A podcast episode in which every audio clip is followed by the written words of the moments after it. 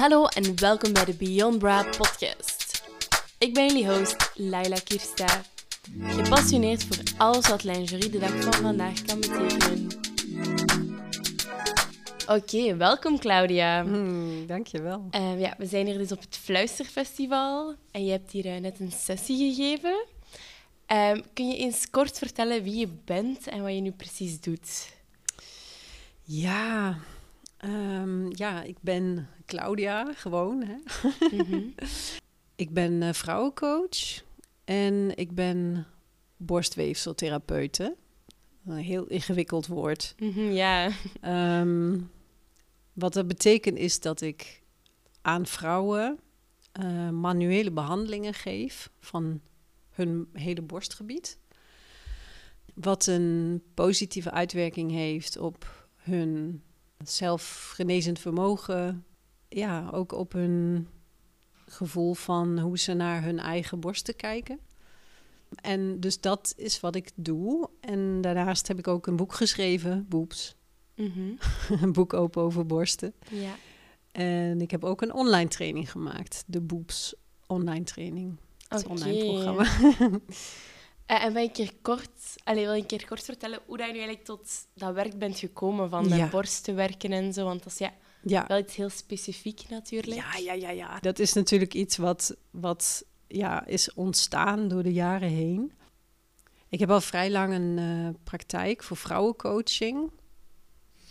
Ja, en wat, wat houdt het eigenlijk in, hè? vrouwencoaching? Want dat kan ook nog... Ja, voor mij is dat heel duidelijk. Hè? Dat is Ja. het begeleiden van vrouwen ehm, in vrouwenkwesties. Hè? Seksualiteit, moederschap, ehm, gezondheid kan het zijn. Ehm, ik had in 2014 had ik, eh, was ik begonnen met Centrum voor Vrouwen in Eindhoven.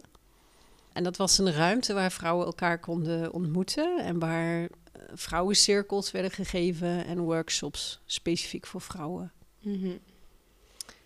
Omdat ik, eh, ik merkte gewoon, er was helemaal niks in Eindhoven. En ja, voor mij is dat iets wat echt heel, ja, dat voelt heel natuurlijk. Ja. Om met vrouwen samen te komen. En dat voel je ook hier in het Fluisterfestival, weet je. Dan, als je alleen maar met vrouwen bent, dan... ehm, dan komt er een... Ja, hoe zou jij dat ja, beschrijven? een soort van connectie van... Je bent ook alleen maar met vrouwen, dus je kunt je ook op een andere manier openstellen, toch op een bepaalde manier. Dat is voor het, de hè? eerste keer.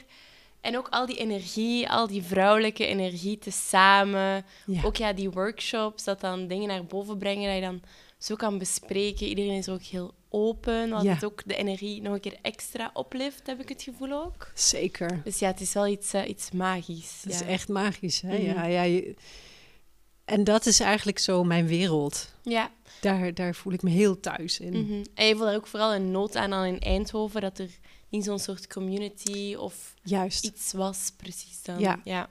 Ja, ik miste het. Mhm. En ja, ik miste het eigenlijk al heel lang. ja. En zo was ik dus op zoek. Ik dacht van ja. Beleefde ik mijn eerste vrouwencirkel in 2003.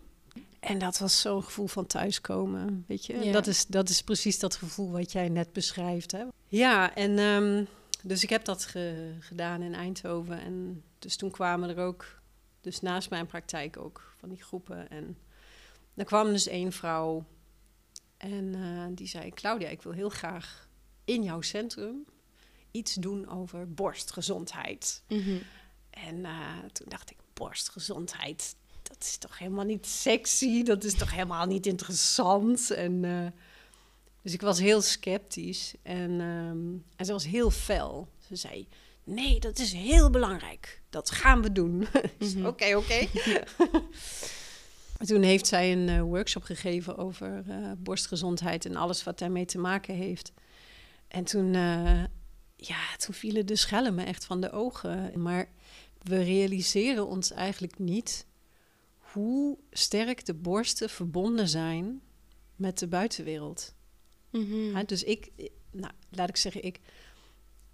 Toen dacht ik nog van, oké, ja, weet je, het is gewoon mijn lichaam en mijn borsten en dat heeft niks te maken met de omgeving. Maar eh, toen besefte ik dat er ja, eigenlijk niet alleen gif en afvalstoffen van eten, drinken, eh, plastic dingen die we aanraken. Nou ja, diverse stofjes nog. Ehm, dat die worden opgeslagen in het vetweefsel van onze borsten. Dus, dus toen kwam het ineens heel dichtbij, weet je wel. Ja. Heel dichtbij. En toen gaandeweg, want we deden ook een vrouwencirkel over het thema borsten. Dus dat was niet een workshop, dat was meer een delen over. Wat hebben we allemaal meegemaakt met onze borst. Mhm. En toen, eh, toen besefte ik dat we dus ook emotionele afvalstoffen opslagen, opslaan, niet opslagen, opslaan in onze borsten. En dat kan, dat zijn heel veel dingen, weet je. Kijk maar naar hoe, hoe het nu is met social media. Hoe worden vrouwen getoond, zeg maar, hè? Hoe worden borsten getoond? Ja. ja, je moet een decolleté hebben en je moet, ehm, zeg maar, nou ja, middelgrote en rechtopstaande borsten hebben. Mhm. Ja, een heel Maar- verkeerd beeld eigenlijk. Dat we Heel vertekend beeld, ja. Want Mhm. als je, zoals ik, ja, dagelijks werkt met borsten, dan weet je ook hoe echte borsten eruit zien. Ja. En elke vrouw weet hoe haar borsten eruit zien. Maar we hebben allemaal zo'n soort beeld van, oh, ze zijn niet goed genoeg, ze zijn niet mooi genoeg. En weet je, dat klinkt heel triviaal, maar dat is het dus helemaal niet. Ja. ja, ik heb ook een keer, ik was ook een keer naar zo'n interview aan het kijken. En zeiden ook dat iedereen eigenlijk een soort van geprogrammeerd is door de BH. Dat iedereen denkt, oh, iedereen zijn borsten zijn perfect rond en staan perfect recht. Maar Ja. dat komt eigenlijk doordat je borsten in een BH in een bepaalde vorm worden geduwd. Ja. Dat eigenlijk er automatisch vanuit beginnen gaan van... Ah ja, zo ziet een borst eruit. Zo zijn de normale borsten. Maar dat is eigenlijk helemaal niet zo. Als je naar die Afrikaanse stammen gaat kijken of zo... Ja, Die daar allemaal topless lopen. Ja, dat zijn allemaal andere borsten dat je daar ziet. Hè. Ja, het zijn Ja. andere borsten, Mhm. ja. Maar ja. En de, ja, de, de variaties in verschijningsvormen van borsten, die zijn echt oneindig, Mhm. weet je. Er zijn zoveel borstvormen als de vrouwen zijn, bij wijze van spreken. Ja. Maar ja, we hebben maar die ene vorm die mooi is, hè, zo gezegd. En ik ben me steeds meer gaan realiseren, dat was in 2015. Hè, dus ik ben nu al acht jaar. Acht jaar ben ik al me aan het verdiepen, steeds meer in het onderwerp. Ik ben steeds meer gaan zien hoeveel effect dat heeft Mhm. op vrouwen, op de vrouwelijke psyche, op, eh, op het welzijn van vrouwen, op hun zelfbeeld. Ja, want gewoon nog even zo dat trauma. Ik denk dat dat vooral is door het beeld dat we hebben van borsten nu in de maatschappij. Of, want dat trauma-gedeelte is mij nog niet zo duidelijk. Ja, Bedoel, ja. Je dat precies? Of? Nee, dat is, dat is maar één deel eigenlijk. Mm. Dus dat, dat hele culturele stuk, zeg maar, dat hele maatschappelijke stuk, dat doet al heel veel met vrouwen. Maar ehm, als ik het heb over trauma, eh, dan heb ik het bijvoorbeeld ook over hele concrete ervaringen. Dus ehm, bijvoorbeeld, ik zeg maar wat, hè? Je, je borsten beginnen net te groeien, je bent een meisje op school, zeg maar iets 13, 14, en je staat gewoon in de gang. En dan komt een jongen langs en die pats, die legt even zo die hand op jouw Mhm. borst. Omdat hij dat ziet, hè? dat die borstjes beginnen te groeien. Pats, legt hij daar zijn hand. En dat is niet iets wat je fijn vindt. Hè? Dan Mhm. denk je, "Ugh, wat is dit? En eh, het voelt niet fijn. Maar ja, goed, je vergeet het weer. Ja. Maar je lichaam vergeet het eigenlijk niet, Ja, dit soort ja. dingen. Mhm. En dit is, dit, dit is nu nog een heel simpel voorbeeld. Maar ehm, ja, stel je voor... Ja, Met borstkanker dan bijvoorbeeld ook. Of ja, Ja. als je borst geamputeerd wordt. Dat is ook letterlijk een, nog een litteken. Maar ook ja, emotioneel moet dat dan ook wel... precies. Mhm. En bijvoorbeeld ehm, met borstkanker is het zo. Het is precies wat jij zegt eigenlijk. Hè? Er is een litteken, er is een operatie. De borst is gedeeltelijk weg of, of helemaal weg. Mhm. Als je uitbehandeld bent, dan ga je het ziekenhuis uit en zegt, nou, u bent klaar. Maar dan begint het werk eigenlijk. Hè? Want dan ben je uit die overleving, want je hebt het overleefd. Mhm. Maar dan komt eigenlijk de hele emotionele stress. Ja, Van- zeker. Weet je, van honderden mensen die in die hele tijd naar je borsten hebben gekeken, of ze hebben aangeraakt, of erin hebben Mhm. gesneden. Of... Ja, en ook die angst misschien, De vrouwelijkheid, uw Absoluut. seksualiteit, allee, sensuali- sensualiteit. Ja, Mhm. ja, van oh god, weet je wel. En dan, dan is het dus helemaal niet gek dat, dat dan een vrouw, en dat hoeft niet, hè, maar dan kan bijvoorbeeld dat een vrouw dan daarna echt even helemaal geen zin heeft meer in dat haar borst op een seksuele manier worden aangeraakt. Mhm. Hè? Dus, en dat kan ooit weer terugkomen, maar ja, er moet eigenlijk eerst ruimte komen voor de hele schrik, voor de hele, Ja. ja, voor al die emoties die daar, Mhm. ja, eigenlijk als het ware opgeslagen zitten. Hè? Dus. Ik zeg dat altijd zo, opgeslagen, maar het is een beeld, maar ja, zo zie ik het ook, zo ervaar ik het ook. Mhm. Bijvoorbeeld ook in mijn praktijk. Als ik bijvoorbeeld iemand behandel, sommige vrouwen hebben van die harde plekken in hun borsten. En dan kan het zijn bijvoorbeeld als ik aan het behandelen ben en dan voelt een vrouw die plek. En dan, en dan voelt ze, oh ja, dit is niet helemaal een fijne plek. En dan, als ik haar bijvoorbeeld uitnodig om daar helemaal naartoe te gaan met haar aandacht, terwijl ik Mhm. daar ook ben, terwijl ik haar daar ook aanraak, dan dan kan er iets gebeuren soms. Hè? Dan Mhm. Soms, oh wauw, dan komt ineens een herinnering Ja. van toen ik eh, borstvoeding gaf en ehm, ik kreeg borstontsteking en het deed zoveel pijn. En, Ja. maar ja, ik moest doorgaan, want oh, dat was zo erg. En dan Mhm. kan ook die emotie eigenlijk omhoog komen. Hè? Want Ja. op zo'n moment dan moet je door. Mhm. Hè, want als je zeker bij borstontsteking, als je borstvoeding geeft, dan moet je blijven voeden, want anders kan het heel gevaarlijk zijn. Maar ik heb het gelukkig niet gehad, maar het schijnt echt ongelooflijk pijn te doen. Ja. En ja, je moet door op dat moment. Hè? En dus vaak is er dan geen ruimte voor, voor de wanhoop, voor, voor de pijn, Ja. voor het verdriet. eh.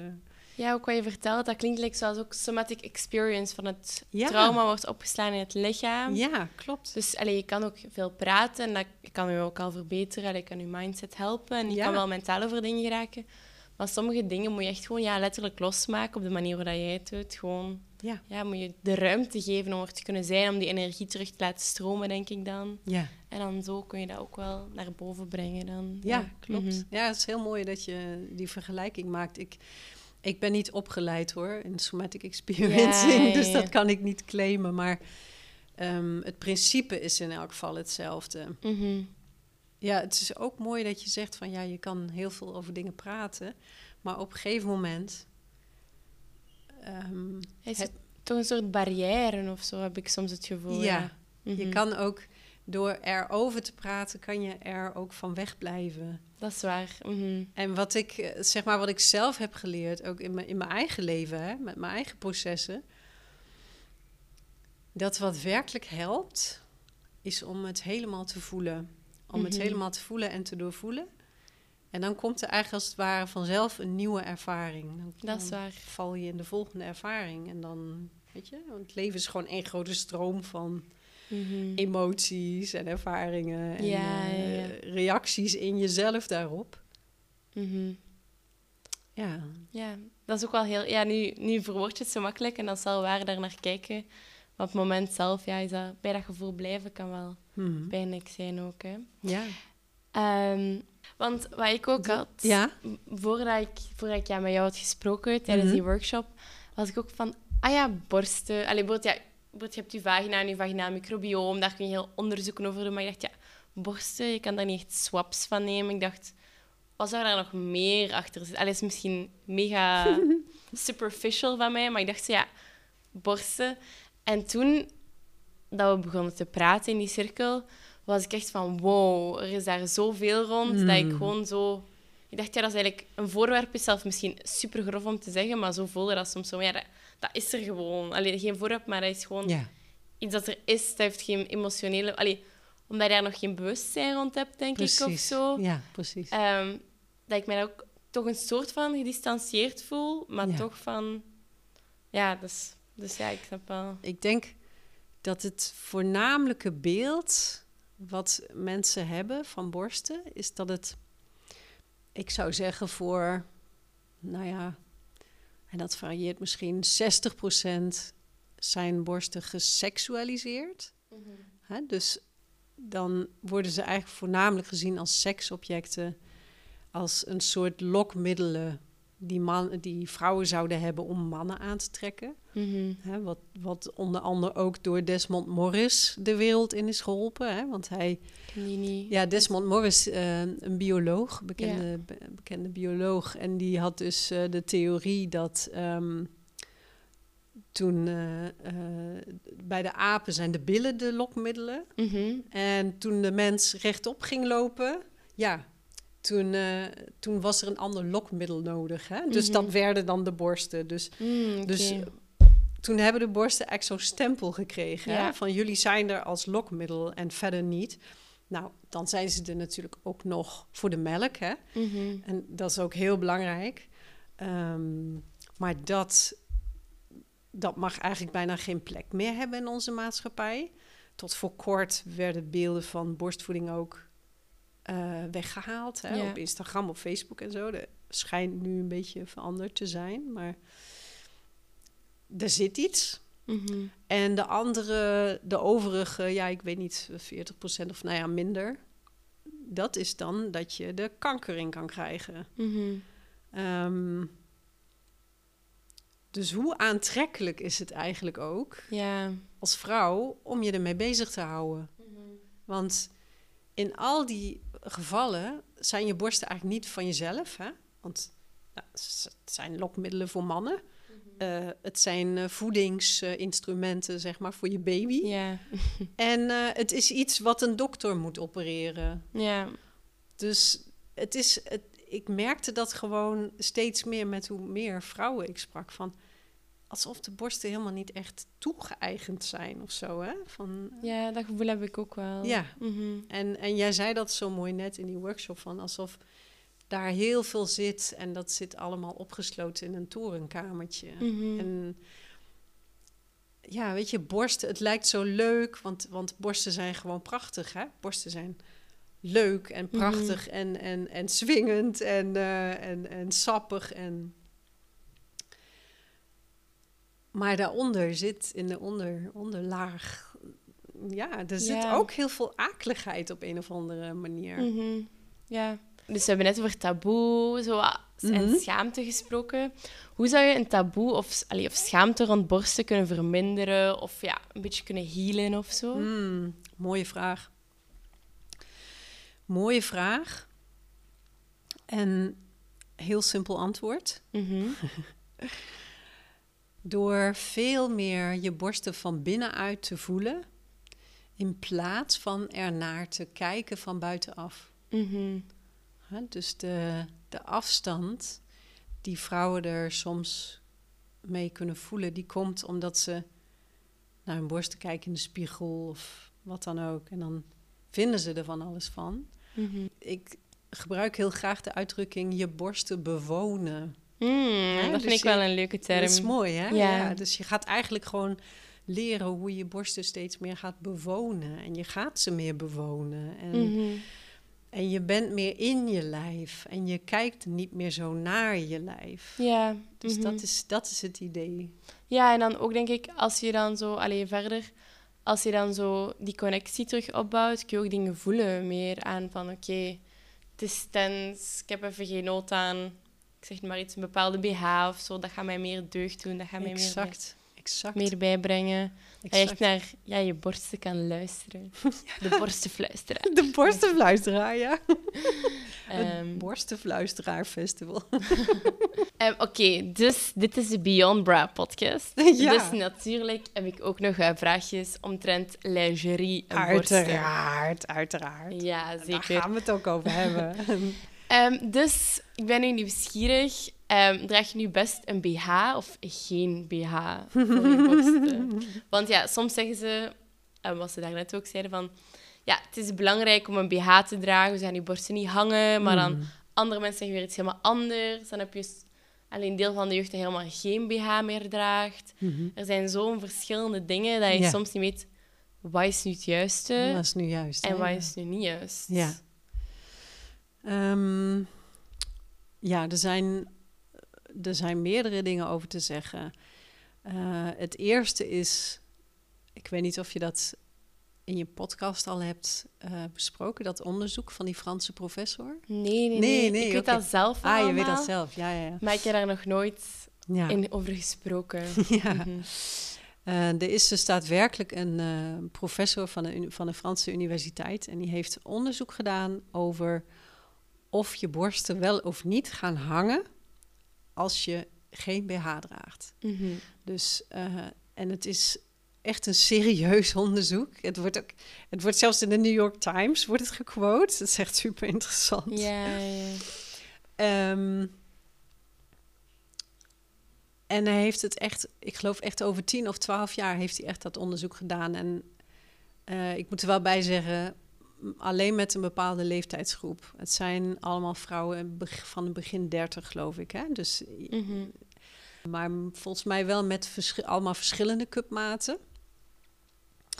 En hij heeft dus echt, eh, ja, als het ware, dus de stand van de borsten heeft hij heel nauwkeurig gemeten. En eh, om de zoveel tijd kwamen die vrouwen elke keer weer terug. En dan werden die borsten weer gemeten. Mhm.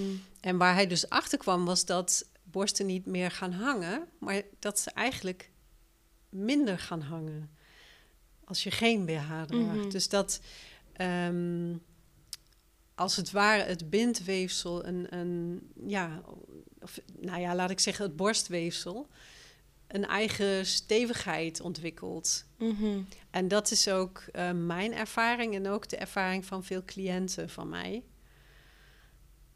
Nou denk ik dat je ja, misschien ook wel eh, moet kijken welke cupmaat heeft een vrouw. Hè? Want ik, kijk, als je cupmaat 100H hebt, hè, dus dan, dat zijn echt hele enorm grote borsten, Mhm. dan eh, heb je dus ook bepaalde klachten, hè, schouder- en Ja, nekklachten, rugklachten, ja, ja. rugklachten. Mhm. door, door het gewicht wat continu dus aan je, aan je lichaam trekt. Dus ja, ehm, ja, dan weet ik het niet. Ja, Weet je, en ik heb zelf cupmaat C. ja. Dus voor mij is dat makkelijk praten. Hè? Maar Mhm. voor vrouwen met een, met een grote of een zwaardere boezem...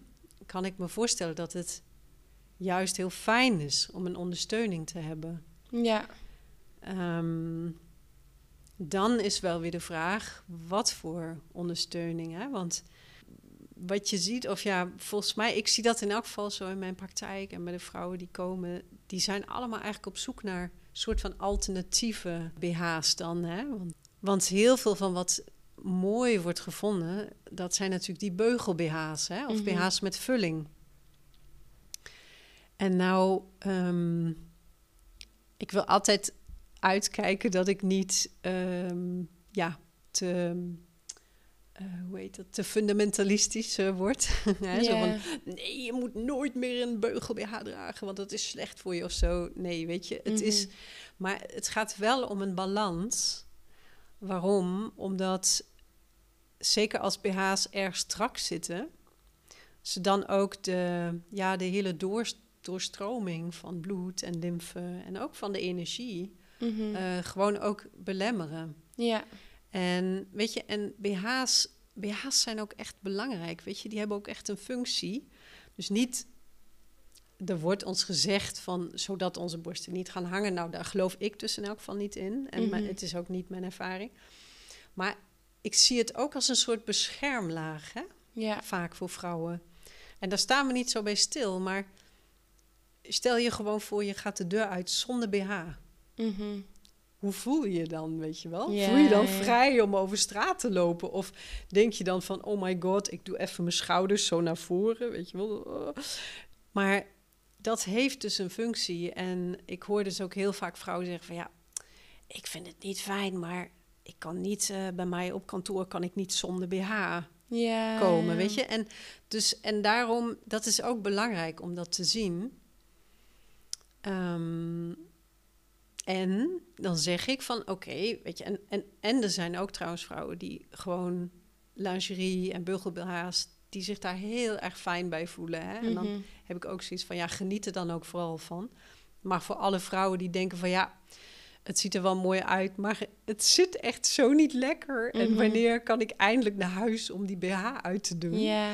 Dan zeg ik, ja, volg dat ook. Weet je, volg dat. En eh, laat je borsten gewoon lekker vrij en laat ze gewoon lekker swingen. Want dat, Mhm. dat is wat ze, wat ze nodig hebben ook. Hè? Voor. Dan gaat die circulatie eigenlijk al vanzelf. Mhm. Gaat het vanzelf eh, veel meer stromen. En ehm, dus nogmaals, ehm, vind je het fijn, dan geniet ervan. En doe hem wel zo vaak als het kan, als je gewoon lekker thuis bent en er is niemand die kijkt of wat dan ook. Hè? Mhm. Doe hem lekker uit. Ehm, ja. Ja. laat je borsten gewoon lekker wiebelen. Eh, masseer ze ook zelf. Eh, Mhm. Je kan ook, eh, hè, ook wat ik vertelde over droogborstelen in de, in de workshop. Ja, misschien met die lymfe erin en Ja. die klieren, dat is ook wel een interessant iets. Ja. Maar voordat we daaraan beginnen, heb ik wel nog één vraagje. ja. Voor luisteraars die nu denken van... Oei, oei, een Ja, BH. oei, oei, ja. Nee. Uiteindelijk, ja, dat onderzoek is gebleken dat je borsten niet... Allee, daardoor niet minder gaan hangen. Allee, een beugel-BH gaat niet je borsten hel- allee, Nee, nee, tegenhouden om te helpen. Maar het is ook niet dat als je een BH gaat allee, hebben, denk ik dan... Allee, ik vraag dat, ik weet dat ook niet zeker. Ik heb niks gelezen, dat is gewoon mijn idee. Dan moest je nu wel een beugel-BH blijven allee, dragen. Oké, maar het is ook niet dat je borsten zouden hangen dan zonder BH ook. Hè. Het is niet dat mensen Nee, nee, nee, nee, Ja, nee. ja. Nee, ze gaan niet... Nee, door het dragen van een BH gaan ze niet hangen. Weet je, dat is, dat is dan weer te veel gezegd. Ja, dat is meer door de ouderdom, de zwaartekracht, die gewoon alles naar beneden trekt. Exact, dat is namelijk waarom borsten gaan hangen. Door, Mhm. Ehm, als je ouder wordt, dan... ehm, en ook bijvoorbeeld als je rookt. Hè, roken is echt heel, heel Ja. erg vervelend voor borsten. Want dat breekt collageen af in het lichaam. En collageen Ah. is een bestanddeel van bindweefsel. Mhm. En ehm, dat is een ding wat we ons vaak niet realiseren. Maar borsten hebben geen spieren. Mhm. Hè, de, we hebben wel borstspieren, maar die zitten achter de borsten.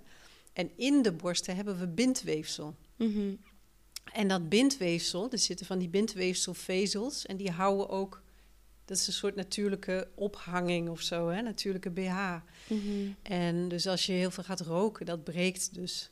Ah, Oké, wow, dat wist ik helemaal ja, niet. ja, en van, Wow. Ja. Ik ga een paar vriendinnen vertellen. Nee, Nee, maar goed, dat weet je, dat is gewoon wat er gebeurt. En Ja. ook eh, UV-straling. ja.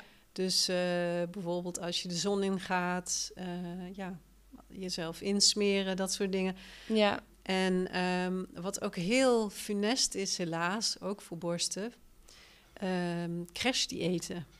Ah, wow. Ja, En op welke manier heeft dat dan invloed, precies? nou, ehm, doordat eh, je in korte tijd heel erg aankomt en dan weer afvalt, Ja. gaan, eh, worden je borsten eh, vol, voller. Want Mhm. eh, de grootte van de borsten Mhm. wordt bepaald door de hoeveelheid vetweefsel, hè? niet door de hoeveelheid klierweefsel. Mhm. Dus, en dan worden ze heel groot en dan val je weer heel erg af. En dan verdwijnt dus ook het vetweefsel uit je borsten. Dus Ja. dan worden ze als het ware wat leger dan... dan Ja, die huid wordt dan uitgerokken die- waarschijnlijk. juist. Ja, Ja, en dan heel tijd... Wow, maar Ja. Ik ben even... Ik sta allemaal versteld dat het allemaal invloed heeft op je borsten. Ja, joh, dat- even... dat bedoel ik. Als je Ja. eenmaal, eenmaal induikt, daarom, ik kan er ook niet meer mee stoppen. Ja, maar wel super, super, super interessant. Ik zou Mm. nooit... Allee, de correlatie tussen roken en hangende borst. Allee, wow. Nee, ik ben wel helemaal... eh, En ja, dus... Sorry, omdat ik even was afgeweken. over die lymfeklieren. Ja. Dat in uw borsten zitten. Ehm, kun je Ja. daar nog wat meer over vertellen? Ja. Ehm, Dus een beugel-BH, Ja, die, laat dat niet goed doorstromen of zo, dat je precies zei. juist. Ik zei ook, ja, kijk, je hebt... eh, ja, lymfe zit, zit in principe door het hele lichaam, maar je hebt ook van die plekken die wat, waar wat con- geconcentreerder lymfeknopen zitten. En bijvoorbeeld op het borstbeen zitten die en aan de zijkant van de borst en in de oksel. En dus daar waar, de, waar die beugel zit, hè, Mhm. waar, dat, waar het knelt... ehm, dus het kan zijn dat het ook op die lymfeknopen drukt. En het punt is, de, de lymfe, dat is ons ehm grofvuil ophaalsysteem, hè, zou ik maar zeggen. Dus de eh, afvalstoffen, die worden onder andere worden die daarmee opgeruimd. Maar de lymfe is een hele stroperige vloeistof. Dus Mhm. die vloeit veel, veel langzamer dan bloed. En plus, lymfe heeft geen pompsysteem. Dus ehm, als je bijvoorbeeld naar de sauna gaat... Sauna is bijvoorbeeld heel goed voor een detox. Waarom ook? Omdat de lymfe dan... Hè, met de warmte wordt de lymfe vloeibaarder. Mm, Gaat het eh, makkelijker stromen, worden afvalstoffen makkelijker opgeruimd. En als je dus voorstelt, je zet dus continu die borsten vast in strakke BH's. En je laat ze nooit vrij. En sommige vrouwen slapen ook met strakke BH's. Mhm. Ik denk niet heel veel, maar ja, soms gebeurt dat gewoon. Mhm. Ehm, ja, en dan het idee is dat je dus die, die, die, die hele doorstroming van lymfe en ook uiteraard ook van, van de doorbloeding, hè, dat je Mhm. die soort van klem zet. Hè? Dus Ja. ja, je kan het niet afknellen natuurlijk, maar het, ja, het wordt wel belemmerd Ja, waardoor de stroming minder goed gaat en er meer afvalstoffen in de borsten blijven. blijven hangen. Ja, Ja. dat is het idee. Mhm. En het zou best wel kunnen. Ehm, ik zeg niet dat dat altijd zo is, één op één. Hè? Maar in sommige gevallen weet ik dat vrouwen die stopten met BH... of die bijvoorbeeld naar meer soort van soft bra eh, gingen kijken. Hè? Ja, Dus zo zo- braless. en bralette, zo, ja. Mhm. Ehm, die bijvoorbeeld heel veel pijn hadden in hun borsten. En die dan, hè, dus die soft bras gingen dragen of geen BH of veel minder. Dat, eh, eh, de, dat de borsten niet meer pijn deden. En dus het zou best wel kunnen dat, het, eh, dat de pijn ook komt omdat het allemaal zo strak vastgezet wordt. Ja, ja, ja. En niet meer kan vrijelijk kan circuleren. Mhm. Dus eigenlijk is dan het beste om braless en lossere BH's te dragen. Moest je wel nog een BH willen dragen dan? Allee, ja. Ja, Voor de maar- lymfe dan meer, hè, natuurlijk. Op Precies, allemaal. ja, ja, Want ik bedoel, je wil natuurlijk ook... Ik weet niet, hè, misschien Soms in een mooie blouse. Precies, een mooi ja. blouseje. En dan wil je gewoon een beugel BH en, Ja, en een mooi decolleté, weet je. En daar is ook niks mis mee. dat is waar. Mhm. En, en daarom, ik, ik probeer altijd niet te fundamentalistisch te zijn daarin. Nee. Nee. je mag nooit meer. Nee, ik bedoel, geniet er dan ook van. Ja, uiteindelijk het leven draait om balans. Hè. Dat is het. Als je een keer een goede beugel BH hebt voor een goede nacht uit, of ik zeg maar iets voor een mooi ja, feestje, ja, ja, ja, precies. dan allee, gaat dat je veel meer opleveren dan dat je daar je oncomfortabel voelt, bijvoorbeeld, de hele Ja. tijd. Mhm. Ehm, dus ja, je hebt ook een boek geschreven. ja.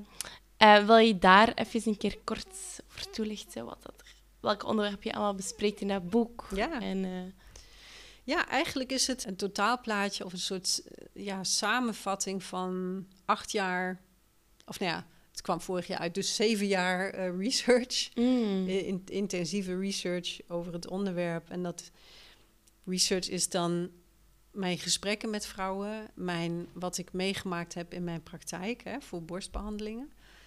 En eh, ook echt research gewoon, al wetenschappelijke artikelen, eh, borsten van of, eh, borsten, boeken van specialisten. Professionele deformatie. Ehm, en het is een soort, ja, je je zou eigenlijk kunnen zeggen, het is eigenlijk mijn, mijn visie op ehm, borsten, vrouwen en hun welzijn. Mhm. Dus, eh, het welzijn van vrouwen en welke plek hebben borsten daarin. En ehm, het boek is eigenlijk, kent eigenlijk drie grote delen. En het eerste deel is wat we eigenlijk in het begin hebben gesproken, hè, zo die, eh, die, die, die, die kijk van de maatschappij. Hè, welke plek hebben borsten in onze maatschappij? Hoe kijken wij naar borsten? Hoe kijken vrouwen naar hun eigen borsten? En Mhm. ja, wat doet dat met vrouwen? Mhm. En ehm, het tweede deel is, ehm, daar schrijf ik heel erg vanuit mijn ervaringen in de praktijk. In Mhm. mijn praktijk, dus wat ik concreet meemaak elke dag. Hè? Dus ik geef voorbeelden. Ehm, ik stel mezelf ook de vraag van, eh, want ik ontdekte dus dat bij die behandeling, hè, dat die emoties weer gaan stromen en dat die Mhm. omhoog komen. En ik vroeg mezelf ook af, hoe kan dat nou? Weet je, hoe, worden emoties dan echt opgeslagen in het borstweefsel? En hoe werkt dat dan? En zo. Mhm. Dus dat heb ik, dat heb ik, allemaal, heb ik allemaal uitgezocht. En, eh, ja.